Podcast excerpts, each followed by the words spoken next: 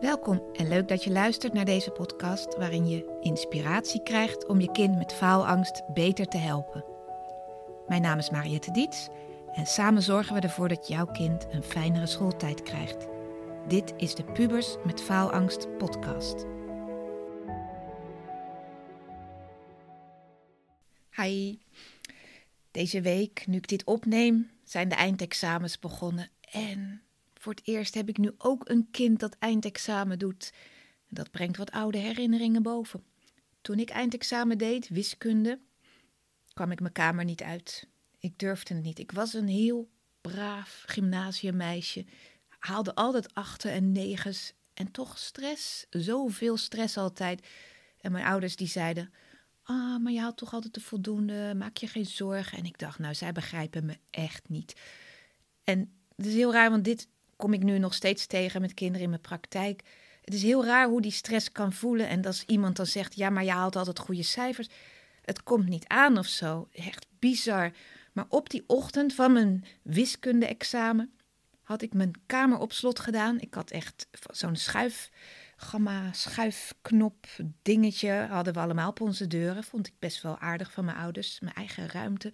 Maar ik had mijn deur gebarricadeerd ik kom er niet uit, ik ga niet, want ik kan het niet en ik snap het niet en ik kan het niet. Ik denk dat het tegenwoordig een paniekaanval zou heten. Ik weet gewoon nog die frustratie die ik toen op mijn kamer voelde. Huilen, huilen, huilen. En ik voelde ook, dat, ik weet niet of ik het voelde, maar ik merkte de frustratie van mijn ouders aan de andere kant van de deur. Die waren door de deur op mij in aan het praten van... je moet naar school, je moet naar school, rustig maar, rustig maar. En het werd alleen maar erger, het escaleerde. En op een gegeven moment zei mijn vader: Ik heb met school gebeld. Als jij niet binnen tien minuten op school bent, heb je sowieso een onvoldoende. Dat was voor mij op dat moment de, de ja, wat zal ik zeggen, de aanleiding om toch maar naar school te gaan. Want dat wilde ik helemaal niet. Ik weet nu, hij is al lang overleden. Ik weet niet of school nou echt gebeld had en dat gezegd had. Waarschijnlijk wel, want je moet op tijd komen voor je examen. Maar ik kan me deze scène nog zo goed herinneren. En dat was natuurlijk mijn eindexamen. Daarvoor zaten al heel wat jaren van spanning en stress. Ik weet nog dat ik tijdens de les aardrijkskunde Griekse woordjes aan het leren was. Want ik had de les erna een Grieks SO. En ik had gewoon zoveel vakken en zoveel talen. De derde klas vond ik echt killing. Ik, volgens mij had ik 36 lesuren in de week. Vijf uur Grieks, vijf uur Latijn. En, en en ik wilde het allemaal goed doen en ik was een hele goede planner. En nou, het, gaf zoveel stress. En nu zit ik te denken, waar kwam dat dan vandaan? Want ik heb niet het idee dat mijn ouders heel stressvol waren. Dus dat die mij aanmoedigden om heel, hele hoge cijfers te halen. Ze zaten wel allebei in het, onderwijs. Dus uh, dat maakt denk ik ook niet echt uit. Maar uh, ik was wel het brave meisje. Dus ik had twee broers die MAVO deden. En ik deed dan gymnasium. Uh, ik was de middelste. Ik denk dat ik daar heel veel erkenning uit haalde van, oh jij bent het brave meisje. Of over haar hoeven we ons geen zorgen te maken. Er waren altijd wel zorgen, maar in ieder geval niet over mij. Want ik zorgde wel dat ik, dat ik de boel op orde had. Ik denk dat, dat daar wel een patroon toen ontstaan is. En verder had ik nog wat andere angsten, denk ik, systemisch vanuit mijn familiesysteem overgenomen. Maar die heb ik ook later wel weer opgelost. Maar dat met school, dat was wel echt heftig. En ik zie dat nu ook nog wel bij meiden en soms ook jongens in mijn praktijk. En hoe grappig is het dan nu dat ik een zoon heb? Echt blogs die over motivatie gaan en die zo viral gaan, die gaan over hem, want iedereen herkent het. Die jongen is 17 School interesseert hem geen bied. Nou, dat is niet waar. Hij vindt de lessen waar hij kan babbelen wel leuk over, maatschap, over de maatschappij en de politiek en filosofie. Maar leren, dat heeft hij nooit echt gedaan. En vroeger dacht ik ook, ja, het zit aan, het ligt aan de executieve vaardigheden. Dat klopt ook wel. Hij kan niet echt plannen. Hij weet niet zo goed hoe hij het aan moet pakken. Maar hij is toch door het hele VWO gefietst en gematst in de coronajaren. Of dat hij bijna net niet overging en toch nog iets mocht inleveren en toch weer wel overging. Wat heb ik een stress over hem gehad als moeder? Dus dat geeft ook veel herkenning bij andere ouders. Want ik spreek natuurlijk veel kinderen met stress, dus ik spreek ook hun ouders. En eh, het is mijn verdienmodel. Het klinkt een beetje stom, maar die ouders maken zich zorgen over het kind wat zich zorgen maakt, of over het kind wat zich juist geen zorgen maakt. Dus bezorgde ouders, ja, die wil ik nu eigenlijk toespreken. Ik ben zes jaar lang een bezorgde ouder geweest, op de basisschool ook wel. En natuurlijk, door alle coachopleidingen heb ik het wel leren relativeren, maar ik herken het gevoel zo goed. Ik zat laatst oude Facebook-berichtjes van mezelf te kijken op mijn uh, zakelijke pagina, Mariette Diets Coaching. Daar stond: uh, Ik heb alle woordjes voor Duits voor mijn zoon in Quizlet gezet. En nu denk ik: Wat de piep was ik aan doen? Woordjes voor mijn kind in Quizlet zetten. Uit liefde schreef ik er dan bij. Ik denk uit liefde. Uit angst denk ik meer dat ik dat deed. Want ja, tuurlijk, liefde voor mijn kind. Ik wil hem helpen zodat hij Duits gaat leren. Maar waarom wil ik dat hij Duits gaat leren? Waarom ben ik daar zo mee bezig? En dat is iets wat ik de afgelopen jaren wel meer, meer heb leren relativeren. Misschien ook door gewoon al het tappen en EFT wat ik in mijn praktijk doe. Maar ik ben helemaal zen geworden, lijkt het wel. En nu doet die jonge eindexamen. Hij staat er niet heel glorieus voor. Een, een hoop zesjes en een vijf en een zeven, geloof ik. Een eindexamen, ik weet niet voor de ouders die geen eindexamen kind hebben. Eindexamen is echt 50-50. Je start met een bepaald cijfer en alles wat je in die week half mei doet, is de andere helft van je cijfer. Dus als je allemaal drieën haalt, ja, dan zak je waarschijnlijk. Tenzij je allemaal negen staat, zeg maar. Uh, dus het, het is echt een soort roulette of loterij voor mijn gevoel van wat er nu gaat gebeuren. Maar ik voel me er zo zen onder, want ik denk, joh, dan doet hij toch een lekker een herexamen. En als hij het niet haalt, doet hij het maar lekker het hele jaar opnieuw. En dat geeft me zoveel rust. Maar ik denk wat het meeste rust geeft aan mij, wat heel helend voor mij is, is dat kind zelf. Dus hij zegt al zes jaar tegen mij: Maak je geen zorgen, mam, het komt allemaal goed. En ook nu met dat examen. Hij is super zen, eigenlijk niet gemotiveerd. Hij doet wel wat hoor, maar hij doet meer andere dingen dan leren. Waardoor ik eigenlijk ook niet bij die stress kom. Want dan denk ik, nou, het zal allemaal wel. Als die nu zakt, dan snap ik dat. En dan ligt dat aan zijn werkhouding. En dan is dat ook helemaal niet erg. Dus hij is zen, waardoor ik zen ben. Waardoor hij nog zenner is. En we maken elkaar helemaal zen hierin. Maar ik voel echt op een heel diep niveau van: het is ook allemaal helemaal niet erg. Laat hem maar falen. Maar eigenlijk denk ik zelfs dat hij het gaat halen, want hij doet het al zoveel jaar. Dus we houden elkaar echt helemaal rustig hier in huis. Niet 100% hoor. Af en toe, twee keer deze week ben ik uitgebarsten.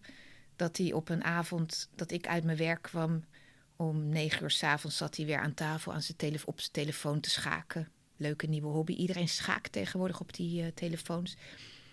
En toen zei hij: Hey mam, hoe is het? Ik heb zes uur gesport vandaag. En het was twee dagen voor zijn eerste examen. En toen knapte er iets bij mij.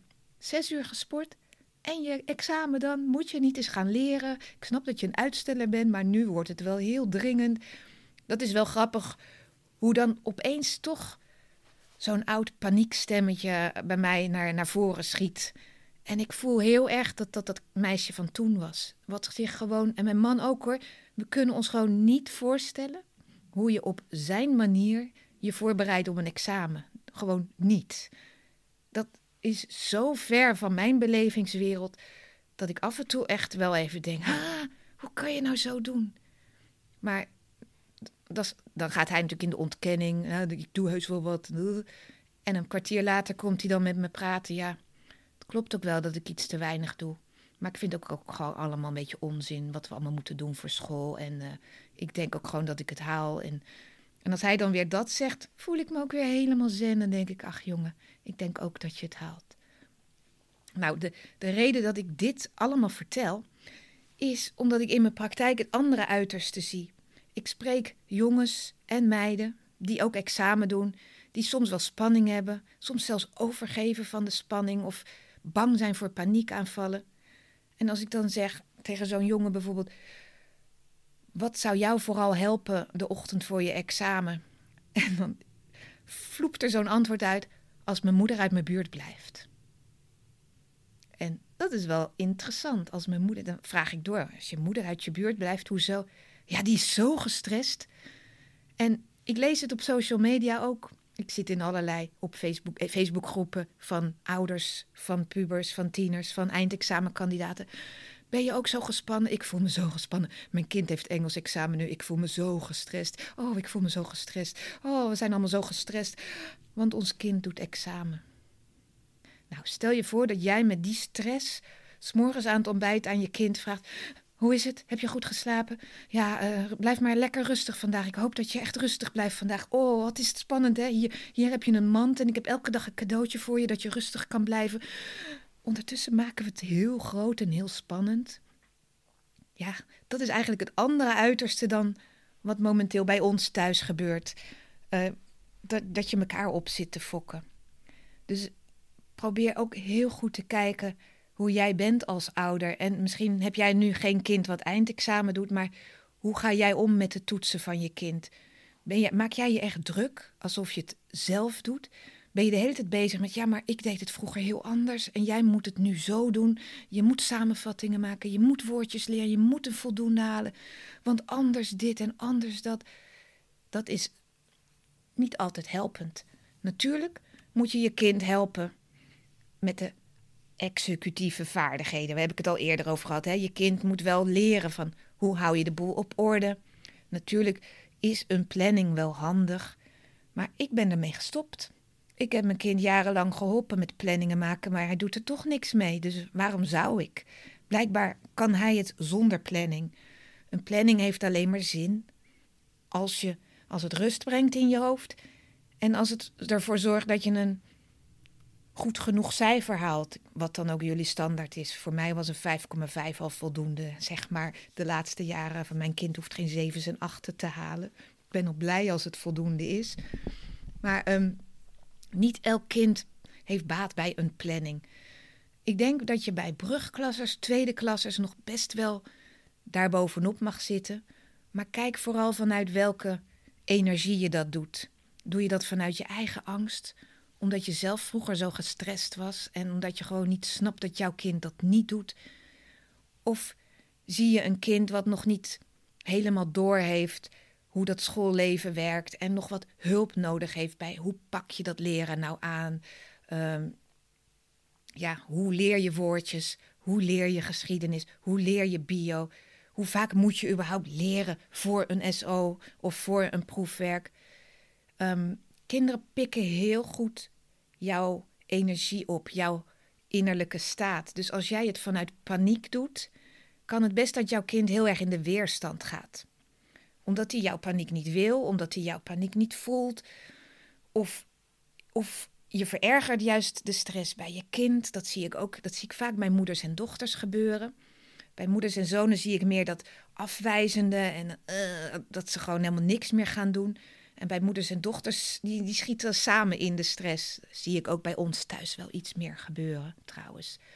Maar als jij vanuit een meer rustige energie, vanuit je volwassen rol als moeder of als vader natuurlijk um, met je kind praat over school, dan straal je ook meer rust en vertrouwen uit. En soms moet je ook begrenzen. Niet te veel gamen, niet te veel dit, niet te veel dat. Maar niet vanuit je paniek. Paniek is een slechte raadgever. Wat mij hielp in de afgelopen jaren bij onze zoon was niet je moet nu Frans leren, want morgen heb je een SO. Of heb je nog huiswerk? Heb je Frans al gedaan? Het hielp veel meer om te zeggen: zullen we het samen doen? Zullen we samen Frans leren? Of uh, hè, niet, niet zal ik je overhoren, maar meer hoe ga je dat doen? Of hoe gaan we dat doen? Natuurlijk ben ik niet zijn gelijke, maar door die toon van we hebben samen iets te doen, kwam hij wel wat meer in de meewerkstand. En kon ik door die ja, door die muur van ik heb eigenlijk geen zin en ik weet niet hoe ik het aan moet pakken heen. En dan gingen we samen ezelsbruggetjes bedenken. Voor Franse woordjes, voor Duitse woordjes. En dat waren best wel gezellige avonden. En later besefte ik ook, dit is zijn leerstijl. Hij kan niet goed in zijn eentje leren en hij kan heel goed samen leren. Dus door de jaren heen heb ik een soort van modus met deze jongen gevonden. En het geluk dat hij met weinig leren best wel oké cijfers haalt. En misschien zelfs dit examen fingers crossed, want ik weet nog niet of dit gaat lukken. maar het, het loont dus wel om te kijken naar je eigen kind van wat helpt. Hè? Een ander meisje wat ik laatst sprak, wat ook zei: Ja, mijn moeder is zo gestrest, mijn moeder is zo gestrest. En dan word ik ook weer gestrest van mijn moeder. Als dat gebeurt, kijk eens als moeder: hoe komt het dat je zo gestrest bent? Ja, maar mijn kind is al ingelood voor de vervolgopleiding en het zou zo zonde zijn als ze nu haar examen niet haalt. Ja, tuurlijk zou het zonde zijn. Maar jouw stress helpt daar niet bij. Dus je, je gunt je kind dat het allemaal lukt volgens plan. En natuurlijk is het fijn als je kind ingelood is en bij die opleiding moet komen. En, maar stress helpt niet. Ja, soms helpt stress om een beetje aan het werk te gaan. Maar daarna is stress niet meer zo handig. Dus de juiste dosis stress is nodig. En ik denk, uh, die, die is nodig om gemotiveerd aan het werk te gaan. Maar te veel stress verlamt. En als jij merkt dat jouw stress invloed heeft op je kind, negatieve invloed, ga dan lekker een stuk wandelen. Bemoei je er niet te veel mee en straal vertrouwen uit naar je kind. Ik heb heel veel ouders gesproken die hebben gezegd: het helpt als ik me wat meer terugtrek. Zowel voor de motivatie, voor de kinderen die weinig doen uit zichzelf, als voor de gestreste kinderen. Want ook met gestreste kinderen helpt het niet om de hele tijd te vragen: hoe gaat het? Heb je al geleerd? Gaat het lukken? Je weet wat je moet doen, hè? Als je een paniekaanval krijgt. Denk eraan, hè? hè? Dan maak je het ook weer groter of zo. In plaats daarvan kan het helpen om te leren hoe straal je vertrouwen uit. Het gaat echt wel goed komen hoor. Je moet er wel wat voor doen. En het is jouw schooltijd, dus jij moet er wat voor doen. En als je je best hebt gedaan en het lukt niet, dan komt er wel weer een andere oplossing. Desnoods doe je het jaar opnieuw. Maar er komt heus wel een oplossing. Ik vertrouw in jou, in jouw capaciteiten, in jouw vaardigheden, in jouw kwaliteiten. Linksom of rechtsom, al doen we nog een jaar, al ga je via het MBO, al ga je dit of dat. Het komt echt wel goed met jou. En wat je daarvoor nodig hebt, is dat je dat zelf eerst gelooft. Kun jij diep van binnen geloven dat het echt wel goed komt met jouw kind? En dat is een basisveiligheidsgevoel, een basisgevoel van veilig voelen, wat heel veel ouders missen. Want ja, we kunnen niet in de toekomst kijken. Dus je weet niet of het goed komt.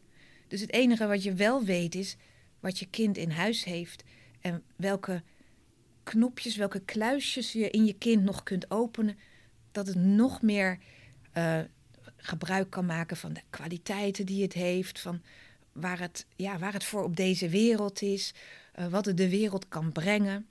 Dat je meer op die manier naar je kind kan kijken, in plaats van zijn het wel voldoendes en gaat hij wel slagen en gaat hij wel over. Wat maakt jouw kind nou bijzonder of uniek of speciaal? En wat kan jouw kind in deze wereld gaan brengen? En heb daar vertrouwen in. Hè, veel kinderen zijn er best wel laconiek in. Van, oh, maar ik ga later toch wel rijk worden en ik hoef helemaal geen diploma. Er zijn heel veel influencers die nu tegen kinderen zeggen: Je hebt helemaal geen diploma nodig. Dus die kinderen denken dat ook allemaal. Dan kan je wel zeggen: Ja, maar ik vind dat je het wel nodig hebt. Maar op een gegeven moment heb je niks meer te zeggen. Het is aan jouw kind hoe die zijn leven gaat ontwikkelen, zijn of haar leven. En kijk dan vooral waar wel je invloed ligt. Natuurlijk, ik hoop ook dat mijn kind diploma's halen, want zo ben ik ook opgevoed. Maar ik weet niet of de wereld over twintig jaar nog zegt: je moet een diploma ergens voor hebben. Ik kan ook niet in de toekomst kijken. Misschien is deze generatie wel dat hele systeem van diploma-denken aan het omdraaien. Dus het enige wat wij kunnen doen nu is vooral echt kijken: wat kan mijn kind? Wat wil mijn kind? Waar is mijn kind goed in? Uh, hoe kan ik zorgen dat mijn kind uitkijk naar de toekomst. Want zo fijn is het allemaal niet in het nieuws. Dus hoe kan ik een gevoel van vertrouwen aan mijn kind doorgeven? En dat begint toch weer bij vertrouwen in jezelf. Met jou is het ook goed gekomen. Misschien heb je ook niet een hele rechte lijn in je ontwikkeling meegemaakt. Misschien had je het ook niet heel makkelijk vroeger, of heb je weer andere hobbels meegemaakt. mensen leren van hun hobbels. En ook als jouw kind het nu niet gaat halen of een onvoldoende haalt, daar leert je kind ook weer van. En jij, als ouder, jij staat daarbij en je kan je kind helpen nadenken van had je het misschien anders aan kunnen pakken? Of wat kan je volgende keer doen om dit te voorkomen? je bent een coach van je kind daarin, met situaties evalueren, zonder al te veel boosheid of teleurstelling of verdriet, maar gewoon, dat is niet leuk voor jou. Wat kan je volgende keer anders doen? daar groeit je kind van en daar leert je kind van. En dat is eigenlijk wat ik vooral in deze podcast aan je mee wil geven. Werk aan jouw vertrouwen in de wereld, jouw vertrouwen in jezelf als opvoeder, dat je het gewoon goed genoeg doet. En heb dan ook vertrouwen in je kind, dat je kind er gaat komen, linksom of rechtsom. Betekent niet dat je alles maar moet laten gebeuren en los moet laten, maar je straalt van binnenuit wat sterkers uit naar je kind. Als jij vertrouwen naar je kind uitstraalt, groeit het zelfvertrouwen van jouw kind en gaat je kind ook handigere keuzes maken. En misschien op tijd beginnen met leren. Of niet te lang doorgaan met leren. En ook gewoon accepteren dat een zes ook prima is als je heel hard gewerkt hebt. Zelfs een vijf of een vier kan prima zijn als je gewoon je best gedaan hebt. we zijn veel meer dan onze cijfers. Dus ga relativeren. Ga kijken wat je kind nog meer is dan alleen maar schoolresultaten. En straal die rust ook uit naar je kind. En dan zal je merken dat je kind ook zelf rustiger wordt. En dan gaat eigenlijk alles beter. Dat was het voor vandaag. Heb je nog vragen? Stuur me gerust een mailtje. En ik kan ook even met jou sparren of jou coachen op jouw gevoel van veiligheid. En uh, dan uh, spreek ik je volgende keer weer. Doei! Bedankt weer voor het luisteren naar de Pubers met Faalangst podcast. Wil je met mij sparren over jullie situatie? Dan kun je altijd een gratis kennismakingsgesprek inplannen via www.dietscoaching.nl. Vind je deze podcast interessant? Abonneer je dan en geef hem een goede review. Dat helpt mij enorm om nog meer ouders te bereiken.